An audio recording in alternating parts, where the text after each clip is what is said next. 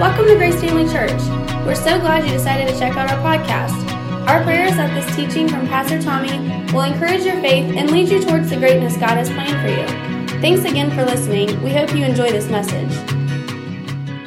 I want to um, uh, once again remind you that our youth are um, going to begin meeting again. If you uh, know families that are looking for a place where teens are, have an opportunity to meet together and they haven't found one yet, make sure that you let them know. Um, we've got some really good stuff planned. We just ordered a bunch of Bibles for them uh, that we're going to give to them on, in the first meeting, and uh, just good stuff. So, all good. Um, but uh, I wanted today uh, just continue along the lines of what we've been talking about since the first of the year. Uh, we started a series called Focus, and we've really been talking about um, what should our focus be for the coming year, really. But, you know, I've always said this, you know, I, I don't believe, you know, God has his own calendar. As, as, a matter of fact, if you look, you know, there's a Chinese calendar, there's a Jewish calendar, there's our calendar. Which, which calendar does God operate by?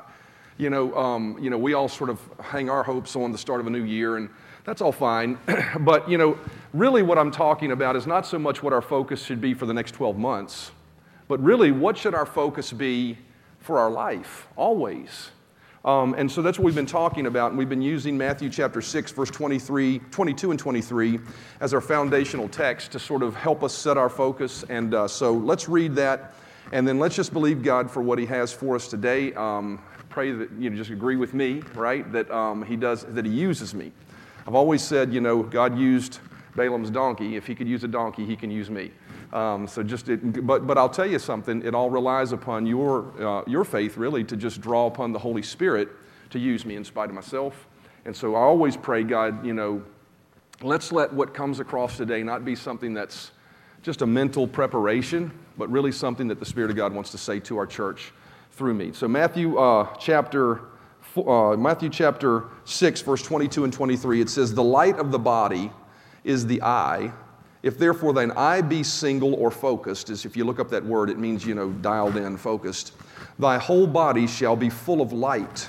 But if your eyes are not focused, how profound will be that darkness? Let's pray before we get started. Father, thank you so much. Uh, I just love you. And I thank you for this group of people that, that have drawn together and those that will listen to the podcast or the, that are listening to the live feed. Father, I just, I thank you for every one of them. And I just know you care about them, you love them so much, and I understand the responsibility I have to stand and uh, uh, declare your word and not mine. And so I ask you to help me, speak through me to your people. Say what it is that needs to be said today to help us grow closer to you. We just give you praise and thanks for that in Jesus' name. Amen. You know, we pointed out that, you know, as we titled this message, Focus, it's sort of, to me, sort of, uh, I'm reminded, I don't know if you've ever looked at a camera and inside, a, a, you know, a physical camera, we always got these phones now that everybody uses, but how many of you remember the day when we used actual professional cameras? And people still do, right? Um, and, and I remember looking in the lens of, those cameras. You ever seen when, when someone dials in the focus on the lens and how it sort of narrows the aperture down? Um, and so, really, that's what I saw in my mind's eye as I was talking, as really the Lord was leading me to, to teach this series. And so, really, as we narrow the aperture of our focus as believers, what should that focus be? Well, we said very simply the focus is Jesus.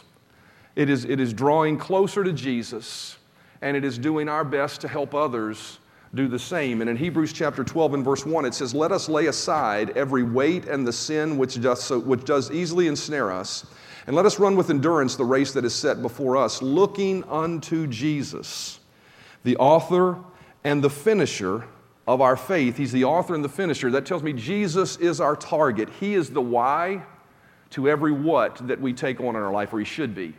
So when we're doing something with our life, we should be asking ourselves that question Why am I doing this? Is this going to help me draw closer to Jesus? Or is this going to help me draw others closer to Jesus? I tell you, when you measure your life under that that particular focus, you'll really be surprised at how, how many things that potentially we spend our time just wasting our time doing things. And, and, I'm not talking about, you know, the fun stuff we do and becoming, like I said, you know, I've said this early in the series, becoming some, you know, person off on a mountainside somewhere that's just isolated from the world. But what I, I think you will recognize that in your coming and going, you'll recognize, why am I doing this one? You know, and, and I think it's important for us to recognize that, you know, that, that our, our target and our goal should be Jesus. And what that verse tells us is that in order to focus and, and draw closer to Him, there are a couple things we've got to do. We've got to, number one, lay aside the weights, and then number two, lay aside the sins. Uh, and weights, we said, were not sins, and sins are not weights. Otherwise, they wouldn't have been called out separately. Weights are the things that slow us down, they're the distractions in life that sometimes draw our attention away from Jesus. And some distractions are necessary to function in life, but there are other distractions that are the weights.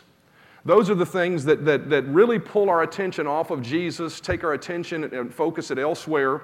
And so we need to lay those aside. And then there's the sins we talked about. And sins are things that are just very clear, right? They're, they're disobedience to God's word or what His Spirit has told you to do.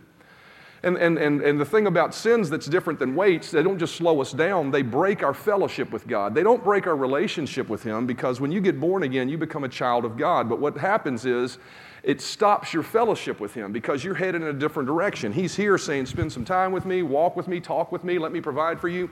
But you're over here doing your thing, right? And so what sins are is they break our fellowship with God, and we have to come back and ask Him to forgive us. And the great news is, is He always, everybody say always he always forgives us. I'm so grateful for that. And so we talked about, you know, that. And then last week, our real focus was on not just laying aside the weights and sins, but you know, as I was really praying about this, you know, I really thought about just the way I'm wired, and I, and I, you know, the Bible says there's no temptation that's not common to many men. So typically, if you're dealing with something, somebody else is too. Uh, you need to recognize that that your sin is, or, or, your, or your struggle or your challenge is not isolated to you and nobody else. You're not that special. you're, you're very special to God, right? But you're not so special that you've got your own unique challenge that nobody's ever faced before. And I say that to, to, to, to, really help lessen or minimize the magnitude of maybe what you're dealing with so that you can recognize that God's been there. He, he hadn't fallen off the throne, He knows what you're dealing with. But as I was praying about it, I thought about one of the challenges I have in narrowing my focus and my attention on God. And one of those things that, that challenges me, and it's, I think it's a lot because of the way my daddy raised me, it was just um, when, there's, when, when there's something that in your heart that you want to accomplish, there is this part of me that says, I just got to go make it happen. And when it comes to you know, having God's best, and when it comes to seeing God produce in your life, I will tell you this that, that God, when He calls you and, and, and the places He wants to call you to, they will always be, on, be beyond your own ability to produce it. They'll always be beyond your own human strength to fabricate it. You certainly can fabricate something in your own strength. You can certainly do things in your own strength. But the places to which God has called us, I believe, as we focus and narrow our attention of growing closer to Him, I think we'll see Him reveal to us because He's such a big God. I think we'll see Him reveal to us areas in our life that says, This is what I'm calling you, you to, that would cause your mind to go, How in the world are you going to do that? Right? How in the world is that going to happen? Even if it's just being, him being more real to us, how in the world, what do I need to do? And see, that's the challenge we talked about last week. What do I need to do to get there? And, and, and I really want to stress the fact that it's so important, and we're going to talk about the to do part on our end next week. I believe next week. Every time I say next week, there's something else comes up, and I wind up teaching this. I had planned on teaching that this week, but it's pushed to next week. Um, but you know, every time we begin to spend time with God and, and we begin to draw close to Him, there's this urge, urge on the inside of us to run out of there with our hair on fire and do something. I got to do this, right? And we saw it with Abraham and we saw it with uh, Sarah. You know, um, God told them you're going to have a kid, and, they, and, it, and it took, you know, I think it was 20 years before they had the kid, and somewhere along the 20, or, or the child, kid is not an appropriate term according to my daughter in pageant systems. You can't say kid because it's a goat. Um, but anyway. So she's like, Dad, don't use kid. That's disrespectful. So anyway, um, they were promised a child. And, and, and 20 years, you know, they waited on that child, and guess what? It didn't happen. So what happened? They said, We've got to make this happen. So they went out and produced something that was of the arm of the flesh, as Scripture would call it. It was carnal, it wasn't what God intended. And so uh, they fell short of God's best. And so when, when that happens, you know, we're challenged. That, that same challenge is for any of us as we see a dream. You know, as I've pastored this church over many years, there's been the challenge to want to create a program. This will make it happen. Let's go do that. And all that's fine and well, intentions are in the right place. But if you're doing those things just to do those things, and God didn't tell you to do those things, and those things won't produce the things that you want, right? And so it's important for us to remember that, that we have to have patience to wait on God, to wait on what He is leading us to do. Because I got to tell you, when God tells you to do something, it's like you're shot out of a cannon and it just, ha- it just ha- you have success. It's not to say you don't run into challenges and obstacles, but you have success.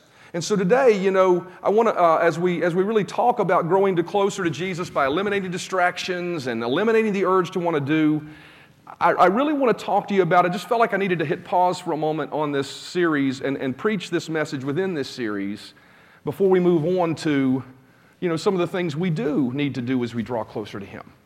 And, and what I want to stress today is that as we draw closer to Jesus and we make the conscious choice to wait on Him, the obvious, resp- the obvious result of that is simply this we should see miracles in our lives. Everybody say miracles. Now, listen, I, I, thought about this as I prepared this because I don't ever want to sensationalize the gospel. Uh, I don't ever want to try to, you know, oh, we should see miracles and get everybody all hyped up around miracles. But, but I, what, what I do want to do is stress the, the very point is that if you're going to draw closer to Jesus, you are going to see more miracles in your life. It's, why do I say that? Because as we look to Jesus and we see more of Him, we don't see less miracles. He's our example, He's the author and the finisher of our faith, right? And as we're told to look to Him, what we see in our life is we see miracles, right? So if He's our focus and He's our goal, the Bible says, look unto Jesus, for He's the author and finisher of your faith then what that would tell me is, is that I look to him and he's the author and finisher of my faith. The example that he set for me is the example I should expect and, try, and, and, and, walk in in my life. And as I look to Jesus, I'll tell you what I see. I see lots of miracles. I see sick people healed. I see dead people raised. I see demons quelled. I see him walking on water. I see bread multiplied. I see ships sinking catches of fish. I see net breaking abundance. I see profound beyond human wisdom and boldness. I see love beyond human affection. I see unbelievable courage in the face of sacrifice. I see forgiveness that is not humanly possible. I see death defeated, a stone rolled away, just to name a few. That is the Jesus that is our example, right? That's the life that he lived. That's the example he set for us. And his miracles didn't stop when he went to heaven. How many of you realize that? In Acts chapter 1, Acts chapter 1, Luke, everybody say Luke. Little Bible history here. Luke is the writer of the book of Acts.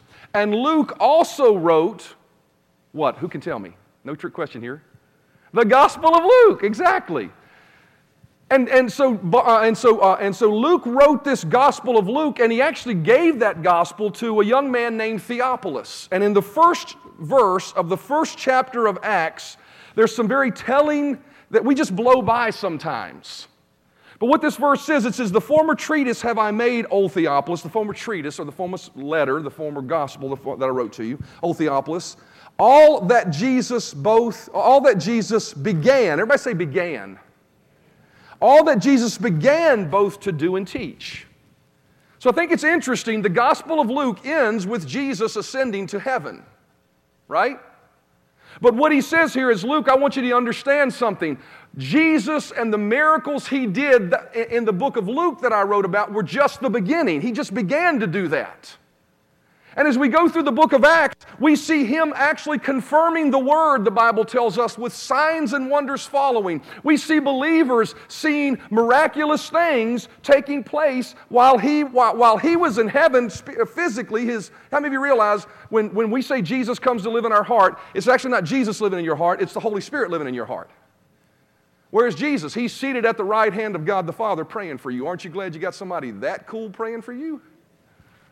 He's praying for you.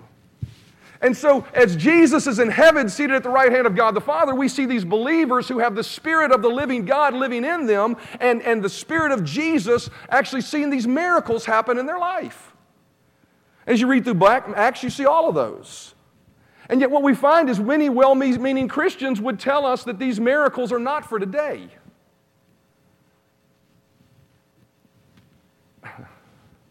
If miracles are not for today, I'll say this boldly, then Jesus is not for today because he is our example.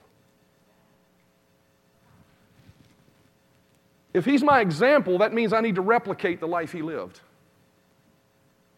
You say, well, man, how can I do that? Let me tell you how you can do that. Not in your own strength, not in your own ability. Matter of fact, you realize that Jesus didn't even do it in his own strength?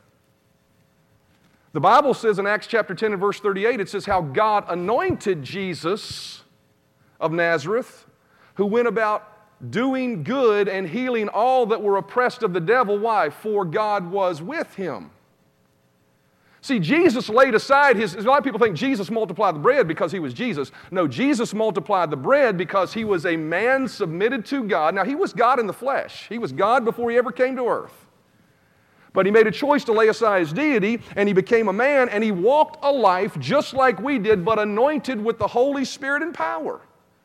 And the miracles that Jesus did was because God was with him, not because he was Jesus, the Son of Man, or the Son of, or the Son of God. He was the Son of Man, anointed by the Son of God, by, by the Spirit of God. And so Jesus is my example. And so if I'm to replicate who Jesus is and what he did, then I have to have an expectation if I'm a Bible believer. How many of y'all are Bible believers? If I'm a Bible believer, then I have to have an expectation in my life that he saw miracles He's my example. I should see miracles. You know, as we look to Jesus, we see really two distinct things that I believe stand out about him. And now there's a lot of things individually or you know, specifically we could call out. But I see really two distinct things that stand out about Jesus as our example. Number one, his love. Everybody say his love. We're going to talk about that love next week because that is something that we're called to do in our lives, to walk out. But then the other thing that I see that's really distinct about him is the miracles. As a matter of fact, when Jesus validates who he is to people, the thing that he calls out is his miracles. John chapter 7 and verse 19. John chapter 7 and verse 19. Now, John, this is this, we're going to read an account of John the Baptist who had disciples that followed him. And after John had gone, it says here, and John, calling two of his disciples to him, he had been locked up by Herod. And it says, and John, calling two of his disciples to him, sent them to Jesus, saying, Are you the coming one? Are you, or, or do we look for another? So basically, the question was, Jesus, are you the Son of God? Are you the example for the world to follow? Are you the Messiah? Are you the sent one? Verse 20. And the men had come to him, and they said, John the Baptist has sent us to you, saying, Are you the coming one, or do we look for another? And that very hour, and notice this, this is interesting, he didn't answer the question immediately.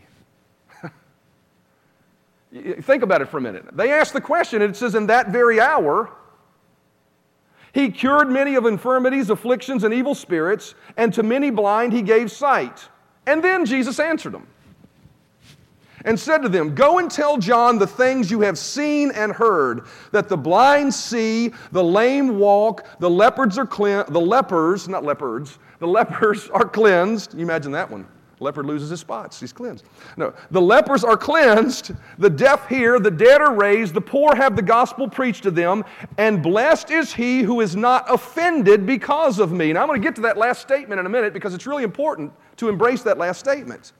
But what he said to them was, You're asking me who I am. Here, I'm going to tell you who I am by the miracles that I do. The very definition and identity of Jesus, in his own words to John the Baptist, was the way you know who I am is by seeing my miracles, which tells me that is something we have to recognize as we narrow the focus on him. That is something we have to recognize. Part of looking closely at Jesus will reveal to us that He is a God of miracles. And notice the phrase there again Blessed is He who is not offended because of me. Your natural thinking is always going to have the opportunity to be offended by the thought of miracles. I mean, think about it for a minute. It's not natural. When we say natural, we're talking about as mere human. How many realize it's not natural to expect a blind eye to be opened by something other than technology? I mean, it's not, it's not, it's not natural to expect a dead person to be raised from the dead. See, immediately, you're, I can tell you right now, I can feel it. Immediately, your mind gets offended at that thought. Come on now. Really? But Jesus said these words Blessed is he that's not offended in me. And who am I? I'm the guy that does miracles. I'm not the guy that pats your hand and says, Oh, it'll be all right. God's got some plan in all this. You might as well accept it. Never once do you find Jesus telling anybody that on earth. Ever once. And yet, yet, most of all Christianity has accepted that as a belief system.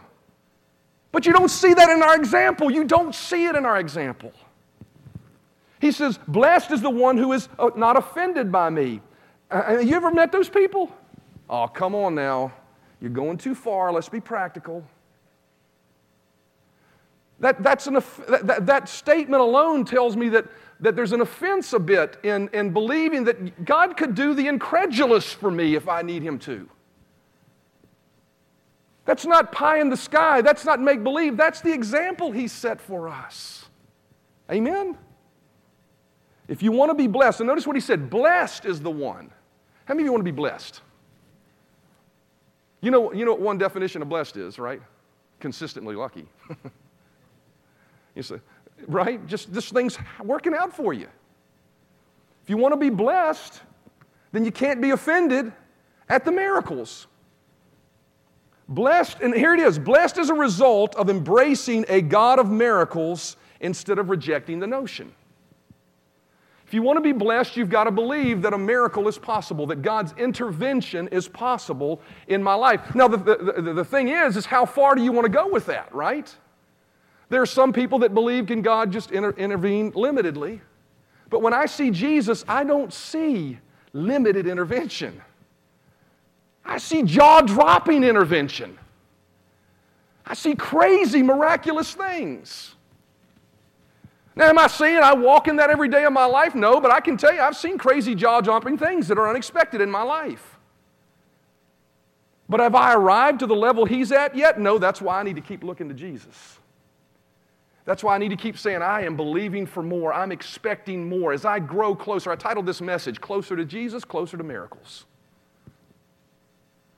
I'm going to go closer to him. I'm going to believe more. You know, Philip came to Jesus with a similar question that John's disciples did about his identity. Actually, not just about his identity, but about, about, but about God's identity as all and, and who he was.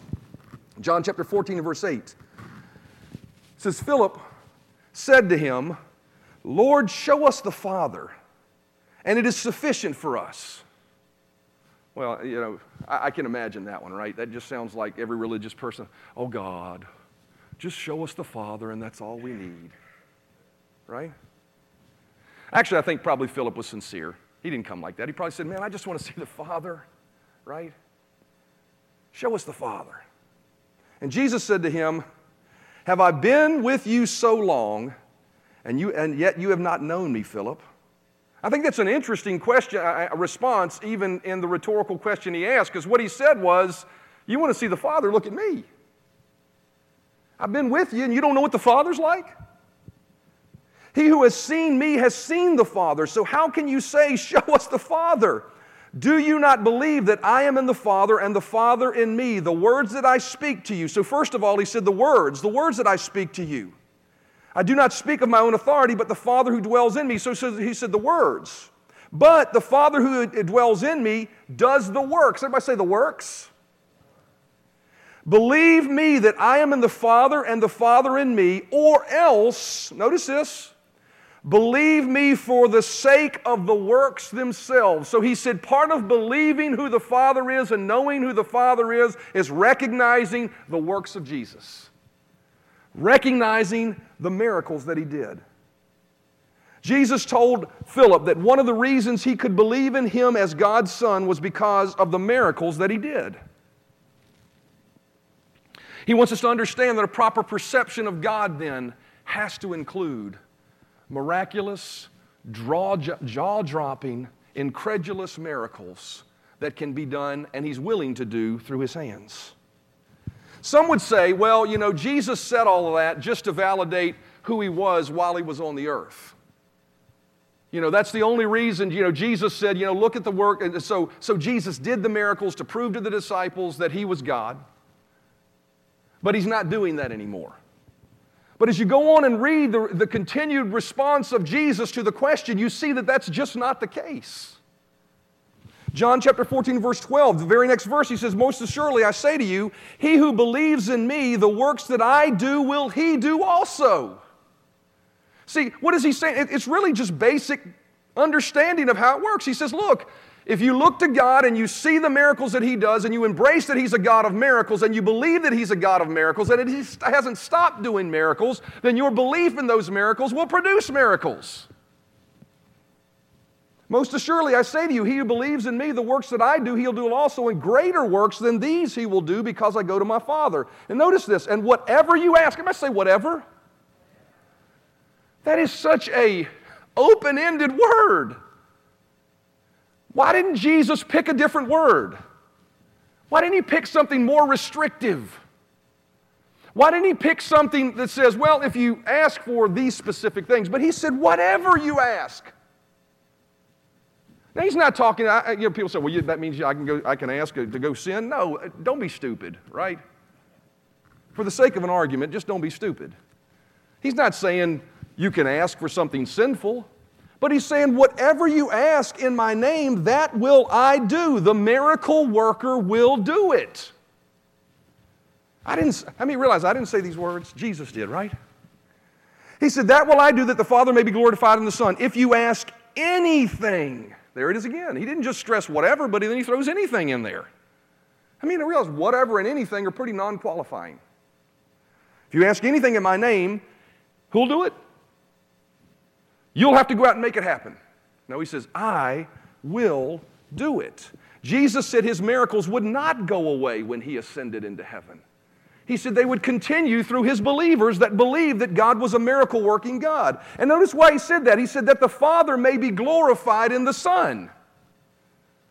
So, what that tells me is that when our lives are stamped with miracles that are recognizable to others, it glorifies God. So, what that tells me is de emphasizing that God is a God of miracles or saying, oh, come on now, that's all past that is deglorifying God. Because what Jesus said was miracles will glorify Him. Why am I stressing this? Because I got to tell you something. we try so many times to define God by our own experience. Instead of, instead of understanding God and rising to the level of experience that He says we should have. See, what happens when you start preaching about God's a God of miracles and, and then people uh, experience, uh, uh, uh, maybe they believe for a miracle or know some, I know some good Christian that didn't get that miracle. I got to tell you, my daddy, good Christian, loved God, died from Alzheimer's. Does that mean that miracles and healing from Alzheimer's is not a promise and not something that God wants to do today? Absolutely, it does not mean that. I tell you what, I refuse to define my experience with God by my failures in receiving what He says I can have. But see, what happens is we become so arrogant in our own understanding that we've got to pull Him down to our level and begin to define God by our level because the problem couldn't be a faith failure on our part or a lack of belief on our part or an area of sinfulness that's causing a, detriment to us believing on our part. See, I put this in big bold letters, so it must be important. Never attempt to bring God down to the level of your experience, step up to His. And that's what this focus series is all about. That's what this prayer, uh, uh, this fasting is all about. It's, it's about eliminating some of the distractions so that we can be more sensitive. Because, as I've said before, God's not withholding miracles today. You know, people, well, let's just pray. Let's, let's storm the gates of heaven for this miracle to happen. You, you realize you don't got to storm the gates of heaven for a miracle? God is saying, all you got to do is believe me for it. And I got to tell you, when you face a big mountain, how many of you realize a big mountain's pretty big? Your natural mind will fight you against that. And so big miracles require what? More time and preparation before God before you face the, the, the mountain. I can tell you this many people have failed to receive a miracle because they didn't lay the foundation of drawing closer to God before the problem ever showed up. And so, in a panic and a frantic frenzy, they try to get a miracle, but they've never laid the foundation, not to earn the miracle, but just to establish the belief in them that my God is bigger than this mountain. Right? It's not to say that you're foregone if you're facing a challenge that's bigger than what you've received yet, but my, my advice to you would be dig in, press in. Eliminate distractions that, that, that, that eliminate your focus on Jesus as the God of your miracle. Your miracles not being received is never the product of a mysterious will or, or, plan of God for you not to have it. When miracles are not received, you guys ready? You got your shoes on this morning, so if I step on them, it doesn't hurt too much? Don't anybody scream, ouch. I hesitated to put this in there because it's offensive when you hear it. It's offensive. But if you want to be blessed, don't be offended. When a miracle is not received, it's always the product of our inability to receive it instead of His unwillingness to give it. If you look at, how many realize Jesus is our example, right? If you look at the life of Jesus, when people didn't receive a miracle, he never once said, Oh, this is because of God's divine plan and you shouldn't have it. What were the words that came out of his mouth? They're pretty offensive. He said, Oh, ye of little faith. I'm so glad I serve a Jesus who just tells it like it is. What he said was, is the reason you didn't get this miracle is because your faith was little. And that must have been really little because he said in another place, if your faith is just the grain of a mustard seed, you can say this mountain, be thou moved. So they must have been had faith smaller than a mustard seed faith. You're talking about microscopic faith when miracles are, you say, well, I believe. I've, I've, seen people get offended at that. Well, get offended at Jesus because I didn't say it. But the reality is, and, and this applies to me in my life. When I'm falling short of the mark, I can tell you right now, it's not because God's withholding. He's a good God. He wants to bless me. It's because I, my faith is not where it needs to be to receive that particular miracle. But here's the good news every time somebody received a miracle, through the mouth of our example, Jesus, what he said to them was, I commend you for your faith. Matthew chapter 9 and verse 27, it says, And Jesus went on from there. Two blind men followed him, calling out, having, saying, Have mercy on us, son of David. And when he had got indoors, the blind men came to him and asked them. Think about that. That was a bit of a challenge, even of itself. Blind men found him. They came inside. Maybe somebody let them. And he asked them, Do you believe that I am able to do this? And they said, Well, we don't know, Lord, but we hope so. Well, maybe, but this might be a part of your plan for us to glorify you through our struggles. No, he said, they said, Yes, Lord, we believe. Then Jesus touched their eyes and said, Notice this, according to your faith, let it be done to you, and their sight was restored. Every promise of God that we receive in our life, including the miracles that, that, that were set by the example of Jesus, are received as a product of our belief in miracles. You want to know why some people don't receive miracles? Because they don't believe in them. Everybody say, closer to Jesus, closer to miracles. To grow closer to Jesus, you have to embrace the belief that miracles are a part of who He is, and they surround Him. John chapter 14, verse 12 says, Most assuredly, I say to you, he who believes in me, the works that I do will he do also, and greater works than these, because I go to my Father. Notice He said, The same works and greater. Everybody say the same. How many believe I'm beating a dead horse here? I'm, I'm riding a live one, is what I'm doing. Giddy up. He said, the same and greater. Why am I stressing this? I'm, I'm going to get to the point. It's an application for focus that, I, that you need to embrace miracles for you to be able to focus properly. He said, the same and greater. First of all, the same. I looked up the word same. This is what it means identical. Not different, an exact replica of the aforementioned. You ever heard the sorry excuse? Well, yes, we'll do miracles today, but they're more spiritual in nature. Everybody say cop out, hogwash. Jesus said the same miracles that I do. I, I got to tell you, that challenges my natural thinking. As a pastor that studies the Word all the time, that challenges my natural thinking. But it's what God said. He said identical, not miracles over something. If it's the same, it's the same, right? What did Jesus do? He healed people, blind eyes open. If he needed something supernaturally, it showed up. How many of you gone down to the lake and caught a fish and found a coin in its mouth yet? Does that mean that's the way God's going to provide for you? No, but what it does tell me is that God will do miracles to provide for you that are outside your normal resources to meet your needs. And then he not only used the word same, but he used the word greater. That word greater is the Greek word megas. Megas. It means great in the, matter of fact, I didn't make this up. This is the way Strong's define that word great in the wildest sense. Great in the wildest sense, larger ones in more abundance is also what they said. And so, great in the wildest sense, larger ones in more abundance. And so, what it says there is it says Jesus said that our, that our belief in Him as a child of God should produce the same, and notice this, greater miracles in the wildest sense. So, you know, uh, the Bible says when He did miracles, people were in awe. You should be seeing miracles in your life that cause. You say, I'm not. I feel condemned. Don't feel condemned. Just step up. Start believing it. Start expecting it.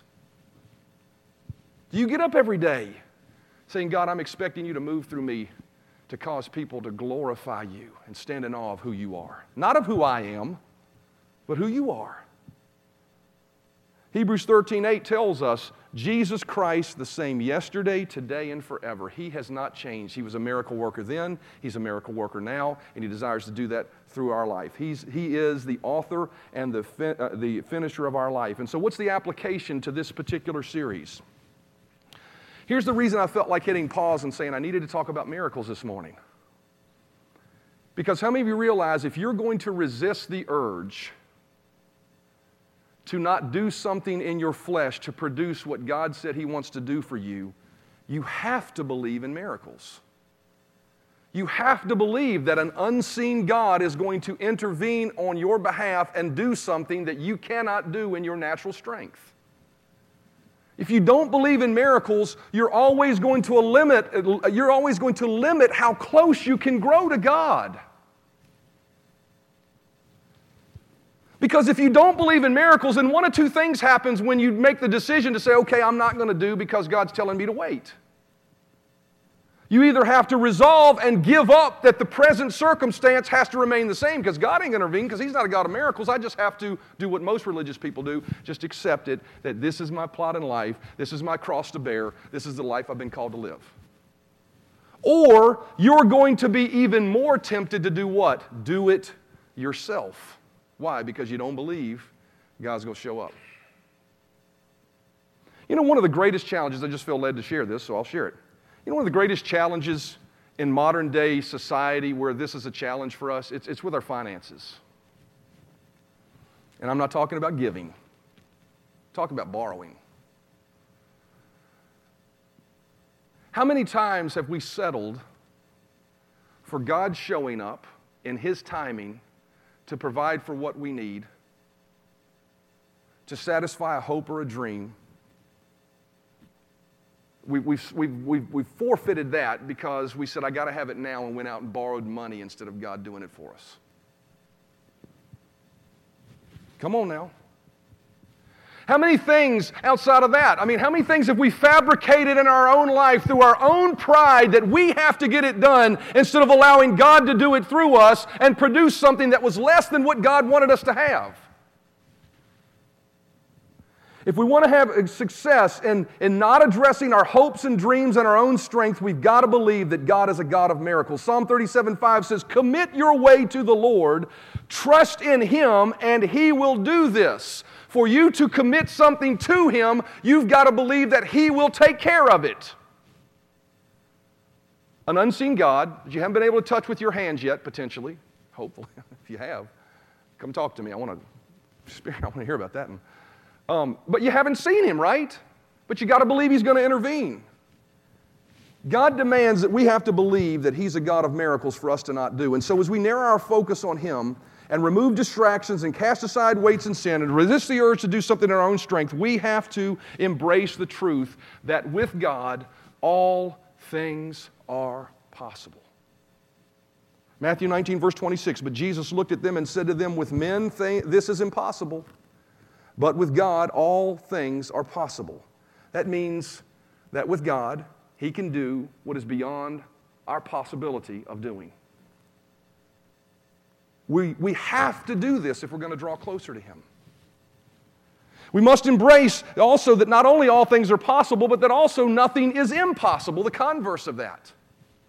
Luke 137 says, For with God nothing will be impossible. So, for me to draw closer to God, more of His purpose and His plan and His will for my life, I have to remove the shackles in my thinking that would cause me to believe when a thought enters my mind that may be from Him, that would cause me to believe that, no, that's just not possible and cast it aside. I have to believe the unthinkable when God shows it to me in His Word or speaks it to my heart. Ephesians chapter 3 and verse 20 says, Now unto him that is able to do exceedingly abundantly above all that we ask or think, according to the power that works in us. Notice, God is able to do further than we can think. How many of you realize that makes your mind uncomfortable? Because we just want to grasp it all. In our quest for knowledge and understanding, we want to understand it all. But God says there are going to be moments in time where God leads you to a place where your natural mind is uncomfortable with what I want to do in your life. And if you are not willing to expand, if, if we're always limited in our understanding uh, and, and, and closeness to God, if we shy away from His miracles, we're going to miss out on being closer to Him. You're going to miss out on a God that is unseen, that can speak to your heart in a moment about a specific situation and have the confidence of knowing that that was God in me leading me. Why? Because you'll think, I got to lean back to my practical mind. There are times God has led me. Does this mean God always asks you to do something that's goofy and weird and off the charts? No. But there are times when the Spirit of God has spoken to my heart and said, Don't do that, even though it seemed like the right thing to do. I've got to believe that He knows better than I am and uh, I do, and so he can, he, can, he can see things I can't see. It causes me to have to believe in a God of miracles. If you limit a God of miracles in your life, you'll limit your ability to get closer to Him by being filled with the Holy Spirit and the evidence of speaking in other tongues. In Acts chapter 2, he filled the believers with the Holy Spirit. He told them, You need to go experience this. Why? Because there's a, and I don't have time to teach on this. If you're interested, let me know. But there, in the scripture, we see in the scripture clearly that God teaches that this is something. And if you, you resist that, you will resist your ability to go closer to God. There's an intimacy that comes from it. The Bible says in 1 Corinthians chapter 14, verse 2, and I'm not talking about speaking out in tongues in a public service. That's a public ministry that the Bible talks about. I'm talking about in your personal prayer life. Paul said in 1 Corinthians chapter 14 and verse 2, He that speaketh in an unknown tongue speaketh not unto men, but unto God. There's a level of intimacy that goes beyond your human understanding where you can kneel before God and you can pour out your heart's desire to Him by speaking in a language that not even your own mind understands, but you're expressing your heart. But if you don't believe in a God of miracles, you'll reason that away. Oh, come on now. That's a bit drastic. For the apostles, that was okay. You won't experience his healing power. You won't experience all sorts of things if you limit your ability to believe in miracles. It's often been said, and I've said these words we can be so heavenly minded that we're no earthly good. But the Lord challenged me, because I've, I've said that before, and, and, and I'm going to qualify that statement because there's truth in that statement. I'm going to qualify it in a minute. But I would also say this we can be so practically minded that we're no heavenly good. We can be so practical that our feet are so grounded that we can never look above the here and now and see a God of the miraculous, to see a spiritual God and what He wants to lead us to do. We have to embrace the reality that God is greater than us, God is more miraculous than us, God that hung the very planets in space. You don't think He can do miracles today beyond your understanding? You're standing on a planet that's hanging by the very force of His Word. We have to embrace that there are things beyond our understanding that He wants to introduce us to. There are miracles He wants to do in our life that are beyond our comprehension. And when we're in our prayer times drawing closer to Him and we're believing for the hopes and expectations of our life and the purpose of our life being fulfilled and growing closer to Him, and He says, Sit still and do nothing, just wait. You've got to believe that there's a miracle working behind the scenes that you have no part in. See, there's a flaw in saying we can be so heavenly minded we're no earthly good. What we should say is we can be so flawed in our heavenly mindedness that we're no earthly good. See, because when your understanding goes beyond the Word of God, when your actions uh, uh, at the, at the prompting of thinking you're being heavenly minded go beyond the scope of God's Word, then you've made a mistake. And I will tell you, on the flip side of that, we have to be careful and make sure we know the word then, right? Because as we delve into deeper places in Him, we have to make sure we're measuring what the Lord is telling us by the scope of His word. And if He tells us to sit still and wait while I do, then we got to do it. Amen?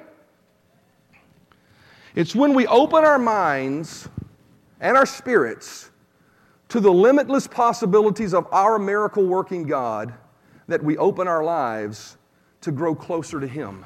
Why? Because he's a waymaker, he's a miracle worker, he's a promise keeper, right? Ephesians 3:20. I like the way this version says it. In the passion, it says, "Never doubt God's mighty power." What happens when we do that? When we just choose not to doubt it? He will. Everybody say he will. Doesn't say he might. Doesn't say he might. This Man, I feel like shouting it almost angrily from within me. This is God's promise to us if we don't doubt His miracle working power. He will achieve infinitely more than your greatest request, your most unbelievable dream, and exceed your wildest imagination. He will outdo them all, for His miraculous power constantly energizes. We are challenged to open ourselves up to the supernatural power of a miracle working God if we're going to grow closer to Him. So let's narrow our focus. Let's narrow the aperture of our lives and our eyesight upon Him to, uh, to remove our natural thinking and the naysaying that would say that miracles, even the most incredulous, are not for today. Let's open our hearts to say, I believe you're a God of miracles. I believe you can do what you did when you walked the streets of Jerusalem. Let's embrace the expectation that causes me to understand that as I grow closer to Him, I'm growing closer to miracles. Matthew chapter 9 and verse 27, as the musicians come, there was a woman in the Bible who recognized that if I can get closer to Him, I can get closer to miracles that I need. Matthew chapter 9 and verse 20 says, And behold, a woman which had disease with an issue of blood 12 years came behind him and touched the hem of his garment, for she said within herself, Notice this, if I may but touch his garment, I shall be whole. What was she saying? She was saying, if I can just get closer to him, if I can just get closer to him, I'll experience the miracle. But Jesus turned about, and when he saw her, he said, Daughter, be of good comfort. Thy faith, whose faith? Thy faith her belief that if I'm closer to Jesus, I'm closer to my miracle. If I eliminate the friction, if I eliminate the distractions, I eliminate the, all those things that, that beset me, and I narrow my focus to Him, I can be made whole. I can see the miracle I need. Daughter, be of good comfort. Thy faith has made thee whole. And that, at that same hour, she was made whole. The woman said, in essence, if I get closer to Him, I draw closer to miracles. If I touch Him, I'll touch a miracle. And her theology proved to be true. She, she walked it out, and it produced miracles. Everybody say, closer to God, more miracles. And the good news is, He is here right now. Matthew chapter 18 and verse 19 says, Again, truly I tell you, that if two of you on earth agree about anything they ask for, it will be done for them by my Father in heaven. Notice this. Why? Why? Why will it be done? Because or for. I've often heard people say when there's a therefore in the scripture, look at why it's there for. for. Where two or three gather in my name, there I am with them. He said, When you come together, I draw close. And when I draw close, guess what? Miracles happen.